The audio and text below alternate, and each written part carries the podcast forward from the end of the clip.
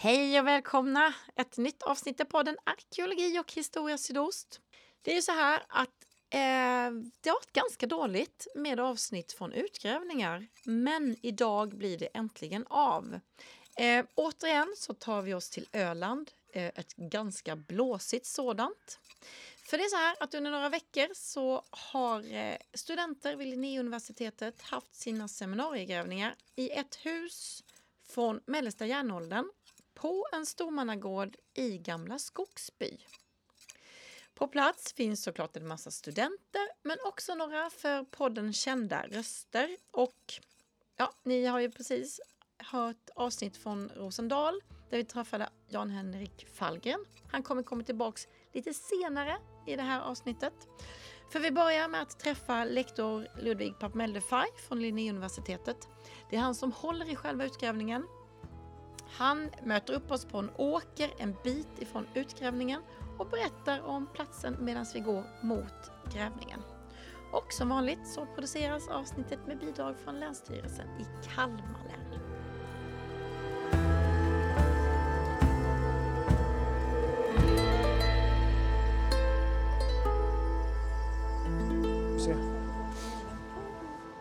Egentligen skulle jag säga några saker innan vi har hunnit för långt. För det är grejer här också. Du har ju lärt dig lite grann det här med att saker på Öland syns lite mer än på andra ställen. Så det är ju ett hus som ligger där. Wow, ja det syns ju. Ja visst, det är rejäla vallar ja. liksom. Och det är ett hus i backarna på det hållet där. Sen ligger det ytterligare ett hus uppe i hörnet där. Så det är tre synliga husgrunder här och antagligen ett fjärde hus som är nästan helt förstört som är bara ett hörn på där. Så det är en av de sakerna vi ska försöka. Vi gör ju magnetometer här nu för att se om vi kan se mer grejer. Vad är magn- alltså, hur ser man det? det är geofysik, alltså magnetometern mäter ju magnetfältet, jordens mm. magnetfält. Liksom. Ja. Och saker och ting påverkar ju det. Så att eh, dels föremål kan ju ge ett magnetfält som liksom syns i magnetometern men även murar och så kan synas ibland har vi sett här. Så att eh, husmurarna syns faktiskt jättebra. Vi körde här igår och den där muren syns ju. Du ser ju ingångar och allting. Det är wow! Coolt. Men visst är det coolt att vara arkeolog under de här ja. tiderna när det finns så mycket cool teknik? Equipment, ja men precis. Det måste vara asfräckt. Men du, ja. om vi bara börjar lite sådär. Eh, var, var är vi någonstans just nu? Nu är vi i Gamla Skogsby kallas det här området och det är ett mm. skogsområde i, i närheten av byn som idag heter Skogsby där Ölands folkhögskola ligger till exempel och ÖoB känner ni till på Öland. Eh, det finns andra varuhus också. Men, ja, nej, det. Vi är inte på Sveriges Radio. eh, nej, så i, det här området, Gamla Skogsby, det känns sedan gammalt att det är, är gamla bebyggelselämningar då, från ja. järnåldern. Så att det kartlades redan på 30-talet det här området. Hus, det är sådana synliga husgrunder som man då bara från utifrån deras utseende så vet man att de är från mellersta järnåldern, så 200 till 600-talet efter Kristus ungefär. Mm, mm. Så här är ett tiotal sådana husgrunder registrerade sedan gammalt. Eh, och det är bland annat, det är ganska uppseendeväckande, det finns ju massa sådana på Öland men här är Dels är det ganska tätt av dem, man kan se från närliggande husgrunder här att det är förmodligen ett ganska stort område, kanske ett par kilometer stort område ja. som har varit sådana här bebyggelseområde hela alltså, men som det är bara en liten bit kvar nu.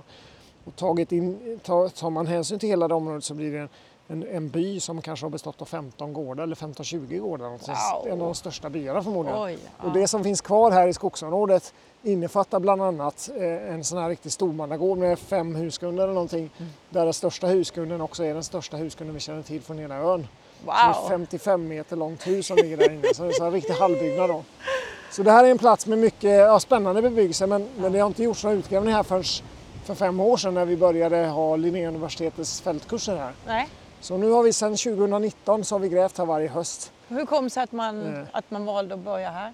Eller? Ja, dels var det Ja, det var jag som behövde någon annanstans att vara på efter att vi hade varit på lite olika platser. Eh, och så tänkte jag att fan, här är det liksom ett pedagogiskt område, ett tacksamt område, väldigt intressant område. Trots det ingenting grävt här. Det var ingen som har gjort utgrävning här. Och det första man tänker på är att man ska kasta sig över det här jättehuset. Mm. Men det kände jag att det är inte riktigt rätt ribba för mig med 12 studenter som jag hade då.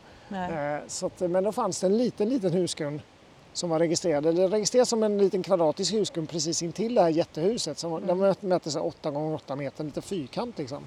Ett litet hus, det är ungefär vad mitt ja, Men så här, vad är det för litet hus? Då tänkte vi så här, kanske är det något kulthus som spännande. Så det ja. tänkte vi skulle gräva ut då 2019. Ja. Men det visade sig så att det var inget litet hus utan det var ju bara gaven av, av ett större hus. Så sedan 2019 har vi liksom, ja men nu ska vi ta upp ett schakt för att hitta resten av det här huset. Mm. Nej, det fortsätter. Och nu ska vi hitta resten av huset. Nej, det fortsätter. Så har det varit hela tiden. Och det har varit mer, massor med fynd och det är liksom börjar bli ett rätt stort långhus där. Ja. Så i år har det, nu vet jag att det här är sista året på, inom överskådlig tid som vi ska gräva här. Så det var så här, nu måste vi hitta slutet på det här jävla huset. Ja. Och det har vi gjort nu äntligen. Så oh, det, det, är det vi håller på med. Så vi har ett 35 meter långt långhus som vi har grävt Nu går vi, nu går vi! Jajamän. Vi tar den här stigen som man egentligen går, för där ja, kommer vi rakt på vårt schakt. Men vi kör den här ja. första böjen. Men vad, vad, är det som händer just nu? Ja, så vi är ju i slutet av tredje veckan här av tre och en halv så vi är verkligen i slutfasen nu. Vi ska gräva imorgon och kanske lite på måndag också men sen ska ja. vi fylla i schaktet. Så vi, vi håller på, det är lite så här månlandskapsfasen av utgrävningen när allt bara ser kaosigt ut. Ja. Men eh, här är Sheldon. Lille vovve, hej! Ja. Så fram tills ganska nyligen var det helt skogbeklätt här. Ja. Så att vi har ju fått hjälp att röja upp det här området. Som vi, alltså, innan var det att man gick runt en skogsdunge här och så kommer man fram liksom i skogen och så helt plötsligt öppnar det upp sig. Men nu har vi fått det, det har blivit mycket öppnare här nu. Men är det gamla eh, äppelträd här eller vad? Ja, det är nog villäpplen skulle jag tro. Alltså. Ja. Det har ju varit odlat under 1800-talet har vi insett nu. Eh, här ah. inne. Ja, ja, ja, såklart. Men annars är det väl betesmark De har alltid varit överallt de där 1800-talsmänniskorna. Så här kommer vi fram till det som i oh! folkmun kallas Hövdingahallen. Då. Hövdingahallen. Eh. Jag wow. tittar lite snabbt på skylten här. Det här är lite en idealiserad bild men bara för att visa den här gården. Här ligger så flera husgrunder intill varandra och då trodde man att det var en liten kvadratisk byggnad Just intill det här jättehuset. Men det har jag kunnat visa att det var inget litet hus det heller. Men hänger de ihop ja, då eller är det lite mellanrum? Det är typ två, tre meters mellanrum här. Men det vi inte vet är ju hur tidsställningen är för det här stora huset är helt olika efter. Wow. Så här har vi, här är gaven på det huset vi här... håller på att undersöka. Ja. Och här har ni undersökt här tidigare? Har undersökt. Här, började mm. vi, här var det där kvadratiska huset Just som det. inte var så kvadrat. Ja, ja, ja. Och sen har vi grävt mer och mer och mer och mer. Och nu är gaven ungefär där det Sandra oh. i gult står. Eh, så, men, men här då har vi en gavelmur väldigt raserad men man ser ändå tydligt att det är en mur. Det är liksom. det gamla huset nu? Eller det, ja, det, här är det, som ni visste stora, först? Ja, det här är det största huset på ja. Öland. Så att du har en vall där borta och en vall där som sträcker sig andra gången i, andra, i skogsändan nästan. Så 55 meter ungefär. Ja. Så det är ju ett jättehus. Och det går liksom upp som en liten kulle som är lite ja, svank i mitten. Ja, precis. Och sen Runt man... om är det ganska skålat flakt liksom. Ja. Och det här är nästan som en, det ser ut som att det är uppe på en kulle men det är ja. ju det att huset är en kulle. Huset är en kulle. Så sticker man med stickson där utanför så kommer man knappt ner alls. Nej. Sticker man med stickson här så sjunker det ner så här. och så är det wow. alldeles svart. Så här är ju inte grävt en centimeter men vi har gjort geofysik här. Vi har gjort magnetometermätningar och kunnat se att i det här huset, det syns väggarna jättetydligt, vi ser vart ingången är och så, mm, ingångarna. Mm, mm. Men vi ser också att det finns förmodligen eldstäder och grejer centralt i här och vi ser stolphål och så. Så det här är ju ett supercoolt hus och det, storleken på det här huset är ju typiskt sånt där som man utan att gräva i det kan man nästan anta att det här är en hallbyggnad. Då. Ja. Det måste det inte vara men det är så det uppfattas. I folkmun kallas det här för Hövdingahallen. Hövdingahallen. Eh, så. Så här tänker man sig att här, det här är en stormannagård där det bodde en hövding eller kung eller någonting. Mm. Så han hade sina gästabud här inne och så. Det är mm. väldigt häftigt. Eh, så det är vid huset och, vi gräver då. Ska säga, och här har det inte grävts någonting? Ingenting. Nej. Nej. Och det är väl inga planer på det nu heller egentligen. Det skulle såklart vara jättespännande men det är en gigantisk insats att gräva ut ett sånt här hus. Ja, ja. Plus att det dessutom står ganska stora ekar här som skulle nog... Alltså det, det är så med det här området, det är inte bara höga kulturvärden här Nej. utan också hö, väldigt höga naturvärden. naturvärden så ja. på Länsstyrelsen så är det lite så här, man måste ta hänsyn till både natur och kultur så att vi kan inte utan vidare ta ner träd där till exempel. Nej, självklart. Eh, så så att, eh, därför, eh, det finns många anledningar till att vi inte har börjat gräva i det här huset.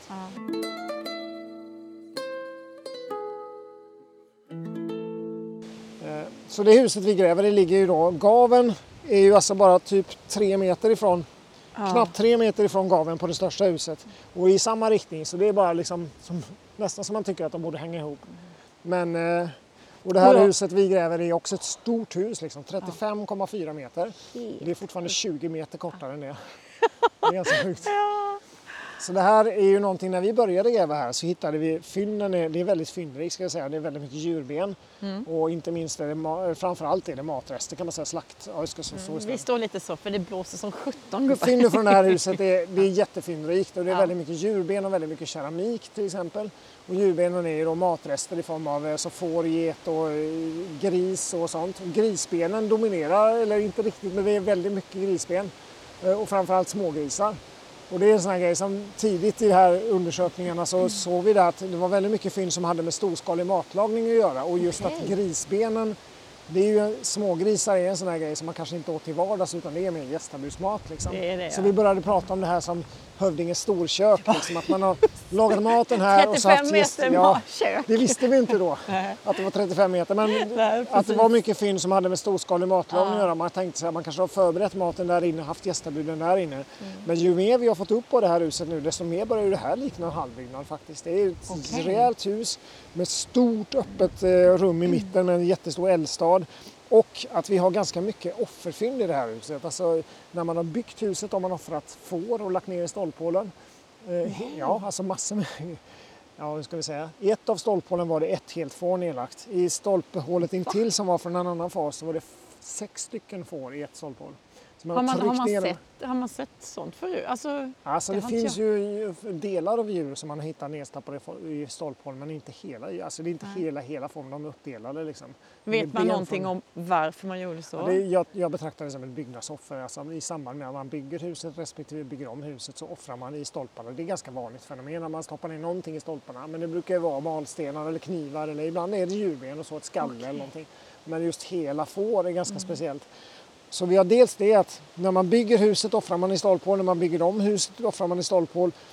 Och när man, vad vi nu tror är, att man bränner ner huset, för det verkar man göra. Innan man gör det offrar man också en massa djur. Så på eldstaden i det här stora huset så har vi samlat ihop ungefär 6,5 kilo djurben från eldstaden. Så man har lagt på eldstaden ben från då får, get och gris och ko och häst. Och hästen är en och samma häst förmodligen som har blivit halshuggen. Så vi tror att det är vad man skulle kunna för stängningsoffer. Alltså innan man överger huset så offrar man de här grejerna och sen bränner man ner huset. För vi har kunnat se att huset har brunnit, byggts upp igen och brunnit igen. Då. Och den sista branden tror jag alltså inte är en olycka. Jag tror Nej, att det är med flit, man bränner ner det. Och då pusselbitarna ihop här nu då. Mm. Att vi börjar fundera om kan det vara så att det här är en halvbyggnad? Och då tänker man men vi har ju en halvbyggnad redan här, Borde, varför skulle man ha två? Men då är den där lilla detaljen att vi vet ju inte tidsställningen på det här stora huset. Eh, och indikationerna, om vi låtsas att vi tänker oss att det här är en halvbyggnad den vi håller på att gräva ut mm. och att man bränner ner den. Det kan ju vara så att man bränner ner den för att bygga en större hall. Det skulle ah. kunna vara föregångaren ja, till en ja, ja, precis. Så, nu vet vi, inte. vi vet om vårt hus är att det byggs under 400-talet och används förmodligen in i 500-talet. Mm. Sen bränns det ner. Och vad som händer här sen vet vi inte för vi har inte grävt något mer.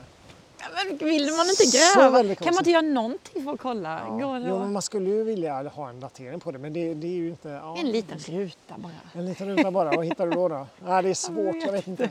Vi får se när vi kan göra det. Men, oh, men hypotesen skulle kunna vara att det här är en vendeltida hall då. Ja. Eh, och då vill vi ha guldgubbar där. Just det. Nej, ska jag. alltså, ja, är men vad är, det, vad är det ni har hittat då? Vad finns ja, det vi kan ju gå bort och kolla ja, lite grann. Gör det.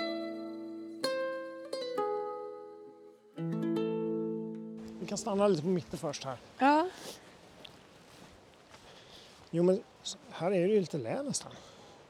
Jo men så fynden från det här huset är ju liksom, eh, domineras helt av djurben. Mm. Men det är också väldigt stora mängder keramik. Alltså keramik hittar man ju oftast när man gräver i den här typen av miljöer. Det brukar mm. vara spridda skärvor sådär. Men ibland hittar man ju skärvor som ligger så att man förstår att här har det stått ett kärl. Liksom. Mm. I Sandbyborg till exempel där man pratar ofta om det här frusna ögonblicket, att det är så unikt bevarat där. Det, det, ja. det har vi hittat ibland att det är ett par, par kärl i ett hus liksom, som ligger så man förstår att här har det stått ett kärl. Mm.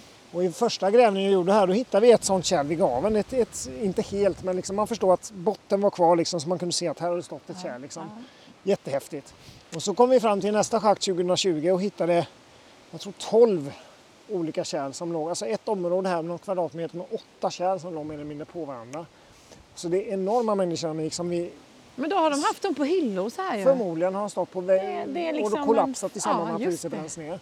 Så att de ligger på golvet oh. i den yngsta fasen och oh. totalt tror jag vi är uppe i 14 kärl eller någonting här nu då. Mm. Och i år har vi hittat ytterligare ett. Så det är, liksom, det är faktiskt unikt mycket hushållskeramik från en sån här, eh, liksom, ja vad ska man säga, domestic kontext. Liksom. Att det, är, det, det är hushållskeramik som har använts i, i, i samband med att förvara mat och laga mat och så. Så det är väldigt häftigt. Det är ganska ensartade typer av kärl, väldigt enkla kärl men det är några, några lite mindre kärl också. Och de mindre kärlen har vi, för det var en student som jobbade med att leta efter, eh, gjorde en, en uppsats om att leta efter fettrester i de här kupstjärnorna och se om Ja. vi kunde säga någonting om vad de innehållit. Mm.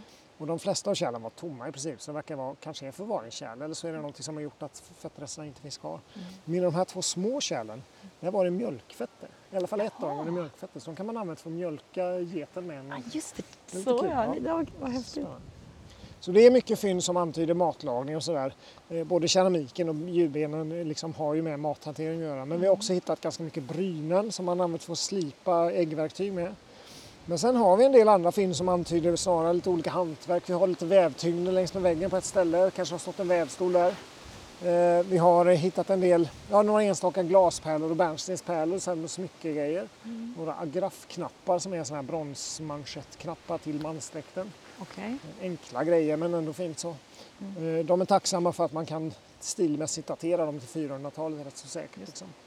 Och sen förra året och i år så har vi hittat eh, två, två olika verktyg i järn som låg rätt så nära varandra, bara några meter ifrån varandra. Det ena var en, vi trodde först det var en yxa men det är snarare en stor eh, mejsel kan man säga, en håläggad, som ett jättestort stämjärn kan man säga. Wow. Eh, som ser ut som en liten yxa men det har inte haft ett yxskaft utan mer som en mejsel. Och intill den i år så hittar vi en navar är det. Jag vet inte vad du, om du vet vad en navar är? Nej. Det är ett, ett sorts borr som är som en, äggen är som en sked, avlång sked liksom. Och så har du ett skaft som ah, är ett, ja, som ja, ja, ja, du vet jag precis. Ja, ja, jag Skedborr kallas det Mm, också. Just det. så Wow. de två verktygen tillsammans används ju för timmerbearbetning, alltså när man bygger hus till exempel. Eller, Men då måste det här vara en jätteverkstad. ja, det är, all, alla, det är många olika väv aktiviteter. och de har krukor. Ja, det, det är matlagning och det, är, det finns många olika aktiviteter. Men, och det är ju så, vad är det för hus? Det här med att jag pratar om att det skulle kunna vara en halvbyggnad, det är jag är inte liksom färdig med tolkningen här riktigt än. Vi får ju fundera över det och det, man ska ha med sig det att ett hus har ju många olika delar och rum så att det kan ju finnas Exakt. en del av huset som har en halvfunktion men en Ja. annan del kanske är en textilverkstad. Liksom, Just eller det. Men det är tre, stor, eller tre eldstäder åtminstone separa, alltså fördelade i, lång, Mm. i mittskeppet. Då. Och en jättestor eldstad i mitten med en malsten intill. Och det var på Wow. den eldstaden då som det här eh, jättestora mängderna med slaktrester från Ja. halshuggna hästen eh, låg på, på eldstaden. Då. Så ja, det finns mycket att säga om det här Ja, det är är roligt. helt galet ju. Så det var ju här borta en bit bort, det är blåsigt nu, men vi går bort Ja. till schaktet och kollar där vi Aha. gräver i år.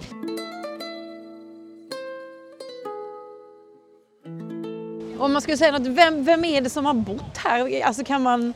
Alltså just i det här huset kan det vara svårt att säga. Vi har ju både mans och kvinnoföremål och liksom, man får fundera över är det, är det matlagning så kanske det är mer gårdsfolk som håller på här liksom, Ja. och trälar och så. Men det, det är ju en stormannagård som gör det här så det finns ju någon sorts av elitfamilj här. Mm. En hövding eller motsvarande k- kung eller drottning eller någonting med sitt följe liksom, som har varit här.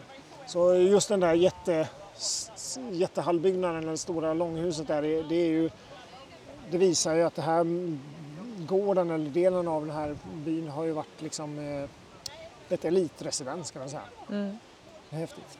Eh, om man jämför eh, med vanligt folk från samma tid. Ja. Hur, hur, hur stora är de husen? Alltså det, Liksom, någon, det varierar väldigt. Nu, det, så husen är av samma typ så Mm. även de mindre husen är också treskeppiga långhus med stenväggar som vi har här då. Ja. Men ett, eh, de kanske varierar i längd mellan säg 12-15 meter upp till 25-30 meter. Ja. Så de här husen som är 30 plus, liksom, de är, ju stora hus. Och, och just dels storleken på husen här, men också antalet hus visar att det här är en sån här storgård. Mm. Och tittar man på runt omkring här så finns det dessutom väldigt mycket stenhägnader och även storleken på de inhägnade ytorna, alltså åkrarna, kan man också se att de är i proportion till alltså Ja, att vissa ja. gårdar har mycket mer mark än andra gårdar. Mm. Så att eh, det har gjorts jättemycket forskning här. Jan-Henrik Fallgren som faktiskt är här och gräver också. Han, Mm. Ja, han eh, har ju tittat jättemycket på det här och kunnat se, Mm. visa väldigt tydligt att medan det finns kanske ungefär tusen gårdar på Öland som har, är små gårdar liksom, Mm. med, med ett, ett eller två hus eller kanske något mer så. Så finns det, har det funnits kanske ett 20-tal eller lite fler sådana här riktiga stormannagårdar. Mm. Eh, och det här är den största av dem. Så det är väldigt häftigt. Och jag ser mellan husen där, om de var samtida, Ja. hur det, de har liksom byggt något slags tak som man rider in emellan. ja, så. precis.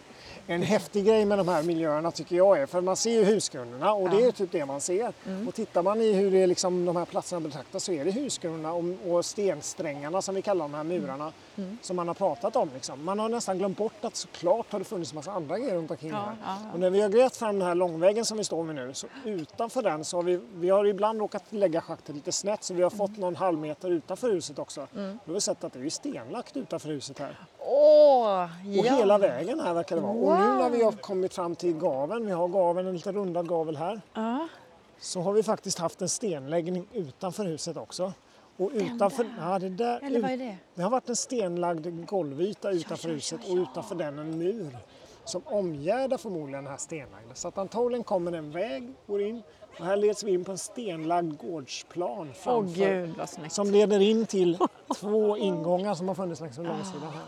Så det är liksom hela den här bilden av vad som, vad som finns runt omkring de här husen. Vi- Vi, vi vet väldigt lite om det. Åh. Men det, det är så coolt att se liksom när, när man upp, Det är också något som den här grävningen har visat att vi, man luras att tro att husen syns ovan mark, att alla hus syns ovan mark. Men det här huset var ju så gott som helt nedplockat. Ja. Så murarna finns ju där men de syns nästan inte alls ovan mark. Så det var bara den bortersta änden som syntes. Resten är ju helt, har varit täckt ovan, täckt av, det har liksom inte syns ovan mark fast det är stenmurar kvar. Så att eh, det är rätt häftigt. Mycket ben här säger de, får vi kolla? Är det liksom, åh tjena! Hoppsan! Mellan lite ljus, Jag måste avgränsa det. Kommer det mer här eller? Vet du inte. Eh, vi har inte kommit. Så plocka inte upp det utan eh, försök att frilägga det istället. Ifall det är så att vi, för där kommer det mer va? Ja precis. Så gräver man upp lite, inte en penna utan Jag ska inte göra det här åt dig men jag ville bara liksom visa hur du ska tänka här. Så att försök att frilägga det. Här ligger några käke eller någonting ju. Så att eh, det är. Ja men det är det ju, helt klart. Så, och, och det gäller att få fram så mycket som möjligt av det utan att... Kul. Ja, precis. Tur att jag inte tog den med. Ja. ja, men precis. Kolla här. Har vi Bone People?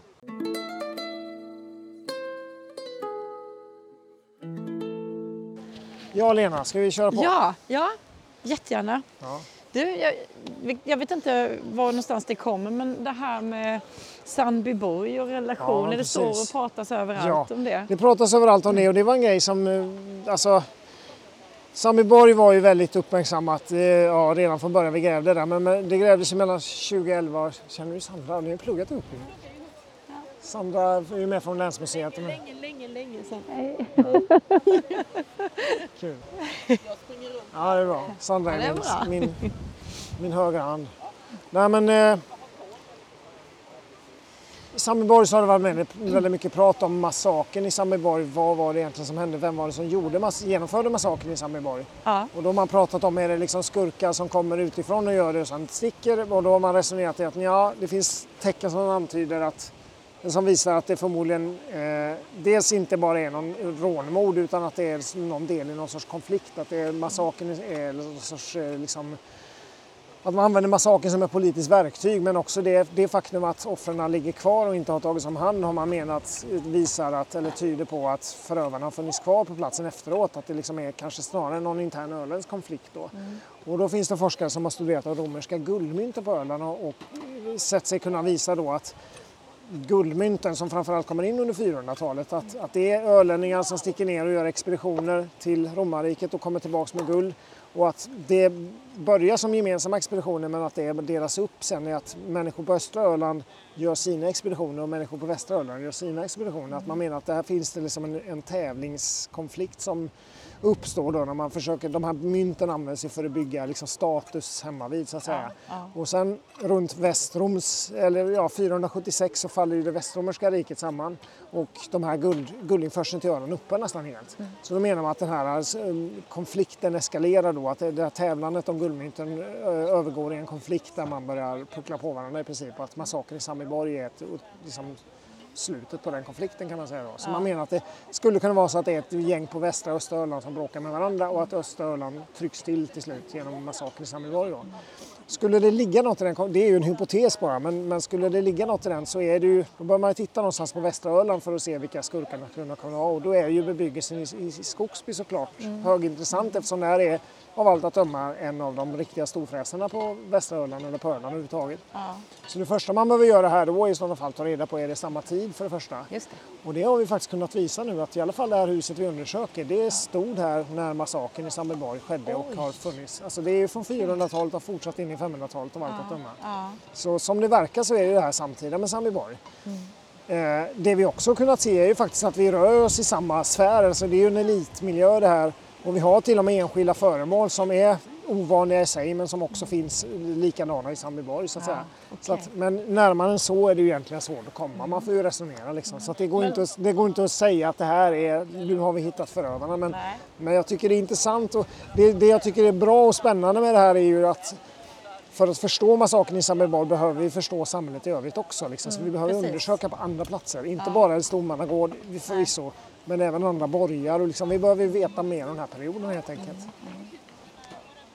Ja, det är kul. Så det där pusslet, det stora ja. pusslet också. Det var Svante Fischer Svante Fischers forskning, precis, ja, precis. Eh, om den romerska guldmyten. träffade honom. Ja. honom mm. jo, men det stämmer, det är ju han som har skrivit väldigt mycket om det här med, han har ju tittat då på inte bara präglingarna på mynten, vem, vilken kejsare de är präglade med, utan också vilka mynt som är präglade med samma stämpel då. Mm, och kunnat då koppla, inte bara på Öland utan hela Europa liksom, mm. så han kan koppla mynt som hittade på Öland med mynt som hittade nere i Italien. Liksom. Så de här är slagna vid samma tillfälle och utbetalade liksom samtidigt. Så, så det, det är ju hans forskning som, som mm. till stor del ligger till grund till den här öst-väst-hypotesen. Ja, precis. Och, det, och det kan ju ändå kännas ganska, det känns, finns lite troligt. Det är inte otänkbart. Inte. Och sen Men, det, den, den, det lilla detaljen som det kan eh, falla på så att säga, det är ju det att vi, kan vi har inte kunnat datera massakern i Sandbyborg eh, särskilt väl än så länge egentligen. Utan det, eller det beror på vad man menar men den hypotesen bygger ju lite grann på att massakern i Sandbyborg sker strax efter Västromerska rikets fall. Ja, ja. Men som det är nu, så utifrån kod 14-hanteringen så kan det i princip vara så att det är 50-60 år senare som massakern sker och då blir det lite svårt plötsligt. Det kan vara så långt, det skulle kunna vara en bit, några årtionden in i 500-talet som massakern mm, sker. Mm. Och då eh, blir det plötsligt ganska länge sedan man, eh, Västromerska riket föll och guldinförseln, alltså det måste inte ha med den konflikten att men det är en hypotes liksom.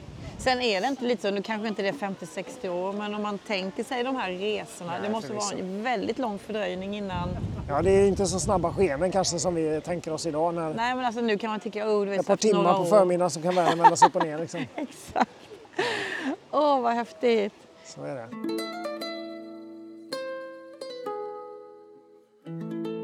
Nu ser det lite ut som en månlandskap här men det är, ja. vi är ju inne i ett sent skede av grävningen. Vi har gått igenom, vi har haft ett stenlagt golv här som vi har tagit bort och kommit ner under. Mm. Det stenlagda golvet var från den sena fasen i huset och sen har vi liksom hittat äldre nivåer under det som vi också har grävt bort och vi har grävt ut stolpar och grejer. Så nu försöker vi liksom gräva bort det sista så att säga. Mm. Eh, men det kommer ju fortfarande ner fynd husmuren är skadad på ett ställe här och då är, håller vi på att gå ner i de skadade delarna av muren för att se om vi kan komma ner under muren och få något daterbart därifrån. Och i de här tuggorna i muren där kommer det ju massa ben och grejer också. Ja. Just nu ligger några studenter och penslar fram en djurkäke där, jag vet inte ja, vad det blir av det. Häftigt. Så är det. Men eh, innan man vet något mer här nu, Nej, alltså vad, vad händer nu? Nu är ni här idag och några dagar till ja. och sen läggs det igen. Ja. vad händer sen? Alltså på den här platsen så kommer det ju liksom skötas så att man ska kunna se, vi, vi kommer fylla igen schaktet men vi kommer att lämna så att man ser själva muren lite grann sticka upp så man, man ska kunna se vart det här huset har varit någonstans. Ja. Och det syntes ju inte innan så det är en förbättring. Mm. Nej men annars så är det ju väldigt mycket arbete som återstår med själva utgrävningsmaterialet då, att tvätta fynden, registrera fynden, bearbeta fynden och skriva en rapport. Men nu när jag dessutom har då fem års grävningar här att mm. jobba med mm. så är det ju dags att börja fundera över hur man ska publicera det på andra sätt också. Skriva vetenskapliga artiklar och ja. kanske lite mer... Jag har skrivit, vi har skrivit en del populärvetenskapligt om det redan men, men det kommer att bli mer sånt. Mm. Kanske om man kan sammanfatta allt i någon lite finare bok eller någonting, det skulle vara mm. kul. Mm. Men, eh, Så det är rätt mycket arbete som återstår med det. Och de- sen, ja, Och de som gräver här, det är... Ja, det är precis. Det är ju studenter från Linnéuniversitetet Ja. och det är två olika kurser samtidigt som gräver. Så det är dels eh, tredje terminens arkeologistudenter, det är det som man tidigare kallade för C-kurs, Mm. som då har sin första fältkurs. De gräver för första gången, de flesta av dem. Men, Så jävla ja, de tänker att det är väl så här det är, tänker de. Så tänker de, ja. Och sen är det också en masterkurs i fältarkeologi, så det är studenter som har en kandidatexamen och som får, valt att plugga vidare då för en masterexamen. Och de, har ju, de flesta av dem har i alla fall grävt någon gång förut. Eh, så att det är liksom två gäng, men de jobbar väldigt integrerat och sam, samlat. Och sen har jag dessutom en kollega från Kalmar länsmuseum, Sandra Lundholm, som är här och gräver. Och eh, forskarkollegan eh, Henke Fallgren som är här och gräver. Eh, står och sållar där Just borta. Ja. Och sen just i dagarna här nu så är det också tre forskare från Polen som är här eh, och hjälper mig med lite grejer. Och då, vi har ett forskningssamarbete där de, eh, de jobbar med geofysiska metoder, de här magnetometer och det som jag har pratat om. Och det, det, det gjorde vi en del mätningar här förra året och vi kompletterar de mätningarna nu med lite mer grejer. Ska vi försöka skriva en artikel av det tillsammans också. Så det, det är roliga, det är mycket som händer på en gång. Ja, och nu hoppar vi då från, eh, vad sa vi, 400? 400-500 Ja, till, till nu. ja. Zoom-möte. ja just det. Om alla Fan. undrar om du har pratat snabbt, är det, är det larmet? Nej, det kommer snart. Om eh, Ja. tio minuter ska jag koppla upp mig. Så du, Ja, tack för att jag fick grymt störa. roligt. Men du, Jättekul. feel free och hoppa ner och I prata med vem du vill. Jag ska börja med mannen lite där borta också. Ja, det var ju något, Niklas med detektorn pep lite här, jag vet inte, hittade något eller var det bara? Ja, det, Are you measuring our bags? Is it uh, possible to take uh, stuff from here? Yeah, yeah, of course. ta den. Ta den. Tack, tack. Hej. Tjena, hur är läget? Det är bra. Du har varit där hela tiden eller? Ja, det har jag. Ja, precis. Ja. Hade du, vad sa han innan? Du har, du har inte skrivit något om detta eller har du gjort någonting på det här området? Jag har skrivit om det i min avhandling. Jag. Ah. Ja. Får jag hänga på? Har du tid? Ska du sålla eller? Nej, jag... Nej, det kan jag göra. Ska, för det är bara, för då knäpper jag på den här. Mm. Det ska nog funka där. Ja. Vi skulle kunna gå lite ifrån uh, Flashdance. Ja, ja. Bara just att det tar inte så mycket ljud. Men eh, vad säger du om det här? Ja, det här är ett otroligt ställe. Det, vi är ju på den största gården i en jättestor by. Och det är en by som bestod av någonstans mellan 15 och 20 gårdar. Och den här upptar en yta av 400 hektar, hela byn. Alltså det är en jättestor. Ja. Men då ligger liksom gårdarna liksom glest ifrån varandra precis som på andra st- ställen på Öland så att varje gård är förbunden med sina grannar med fägator och sådär. Och vi står ju då vid den största gården här och det här är en av de absolut största, kanske är faktiskt den största gården på hela Öland.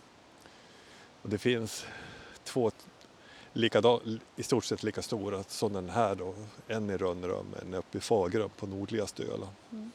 Och de här har en, jag kan säga så här att en vanlig gård under en järnålder bestod av ett eller två hus, hade en yta av 100 till 120 kvadratmeter. Och, det, och sådana finns det 1200 synliga på gård här på Öland. Och så finns det, idag finns det kvar sex stycken sådana här riktigt stora gårdar, varav den här och de andra tre är lika, ungefär lika stora och de har en golvyta som överstiger 850 kvadratmeter. Och det här är faktiskt de största järnåldersgårdarna som finns i hela Skandinavien. Det finns inga större järnåldersgårdar i Danmark eller på fastlandet eller Norge. Och inte ens det största vikingatida hus som man har grävt från 900-talet det är väldigt långt, 87 meter långt och 600 kvadratmeter i, i golvyta. Men det här överstiger med råge samtliga. Och det är fascinerande att de finns här. Och, Att de bara kunde bygga så stort. Ja visst, Bara det. bara det ja. Ja. För det största huset är ju 55 meter som vi står här. Och det är, det är det största som finns kvar på Öland. Som är, och det är ju riktigt, riktigt stort.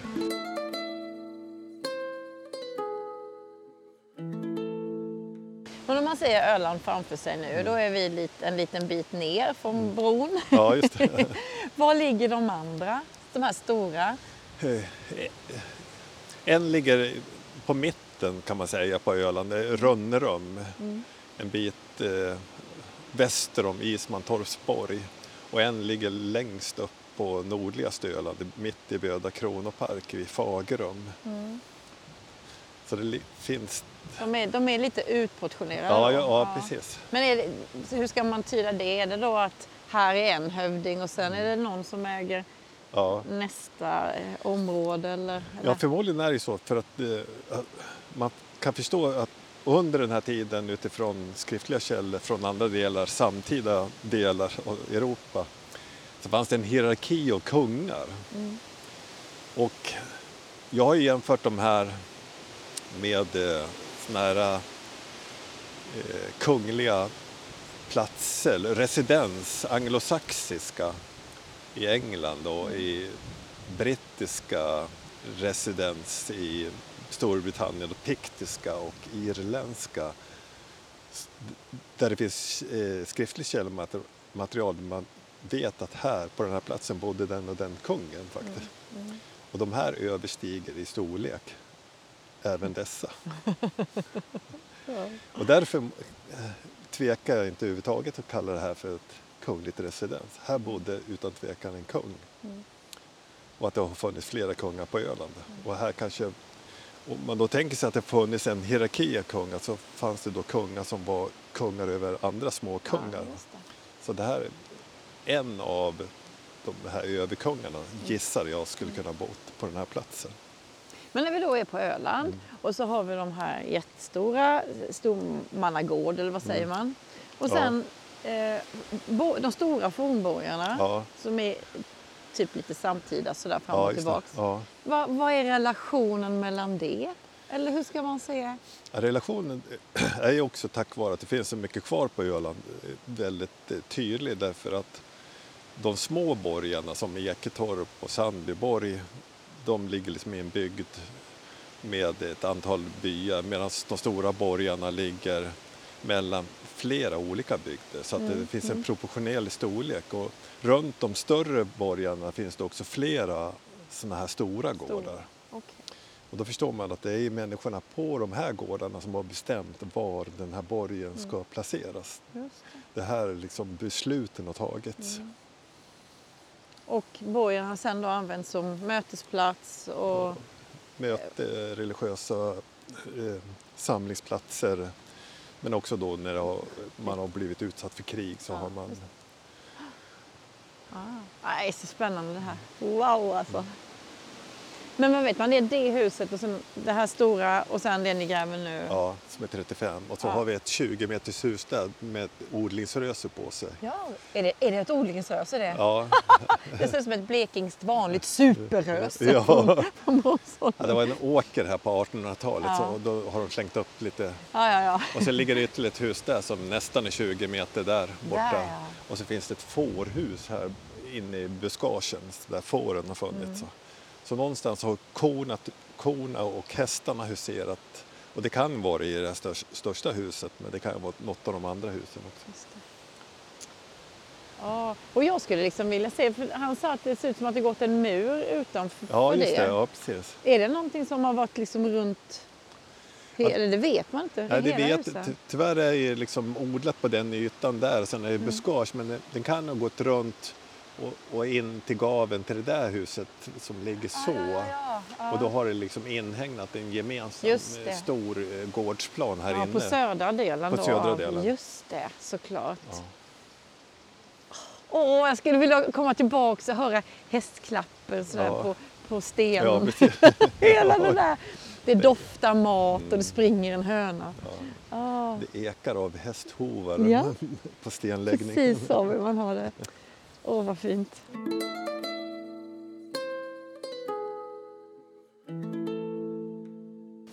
Nej, vi får väl se vad det blir av detta. Ja. Grävningen alltså. Det är ju Ja, det. jätte, jätte, jättehäftigt. Så här står vi ju, ja det har du sett kanske, men Mm. det här är ju så slutet på gaven eh, på huset och sen Mm. ända bort dit. Alltså fatta vilka hus de hade. Det är sinnessjukt Ja, stora. Finns det någonting annat du hade tyckt var viktigt att säga om det här? Ja, är Ludvig fint. har ju sagt, sagt en del men Ja, spännande i, om man då tänker sig att det här faktiskt har bott en kung här och en, Mm. eh, en, en kung i det övre skicket så är det väldigt spännande för att inte så långt härifrån närmare eh, den närmsta fornborgen Lensta så fanns det en sten som kallas Yngve Frejsten eller Ing, Ingefredsten. Okej. Och Ingefreds är ju väldigt väsentligt då när man tänker på kungar därför att i såna här gamla kungalängder från hos svearna men även hos danerna, hos eh, vandaler och goter så brukar de här kungalängderna börja med en, en gud. Att Det kan vara Oden, det kan vara Frej och sen kommer den första kungen och då heter han ofta Ing. Eller Okej. Yngve, Ing. Så att det är en, en sån här viktig mytologisk eh, eh, eh, förfader. Va? Och därför kan man tänka sig att den där Inge, Inge Frejsten som finns där uppe, eller fanns, den är borta, eh, har att göra med just själva invigningen av nya kungar.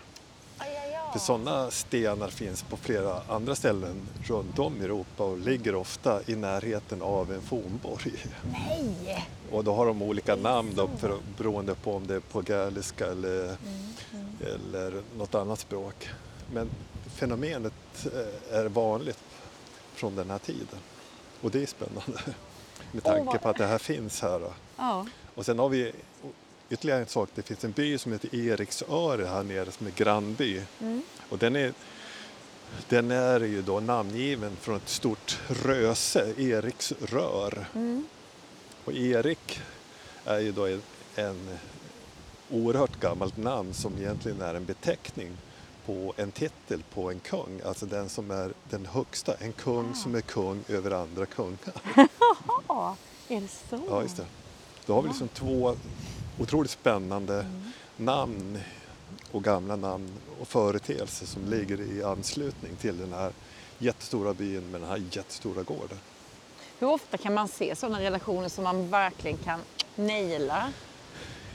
Man kan ju se sådana där... Dig Ja. Man kan ju se sådana där namn, spännande namn på många ställen i, i landet eh, överallt. Va? Men man kan ju aldrig, eller sällan, ytterst sällan, men här för en gångs skull kan man ju peka ut platsen Ja, ja. där, där liksom centrum för de här företeelserna har mynnat ut eller sammanfallit. Och det är ju verkligen unikt. Ja, ja. Hur som helst, det är ju oh, att man inte kan få veta mer. Mm. Oj, Oj. Det är jättespännande. Och där sitter han och zoomar. Ja. Jag kan ta den där. Ja. Jättebra, tack.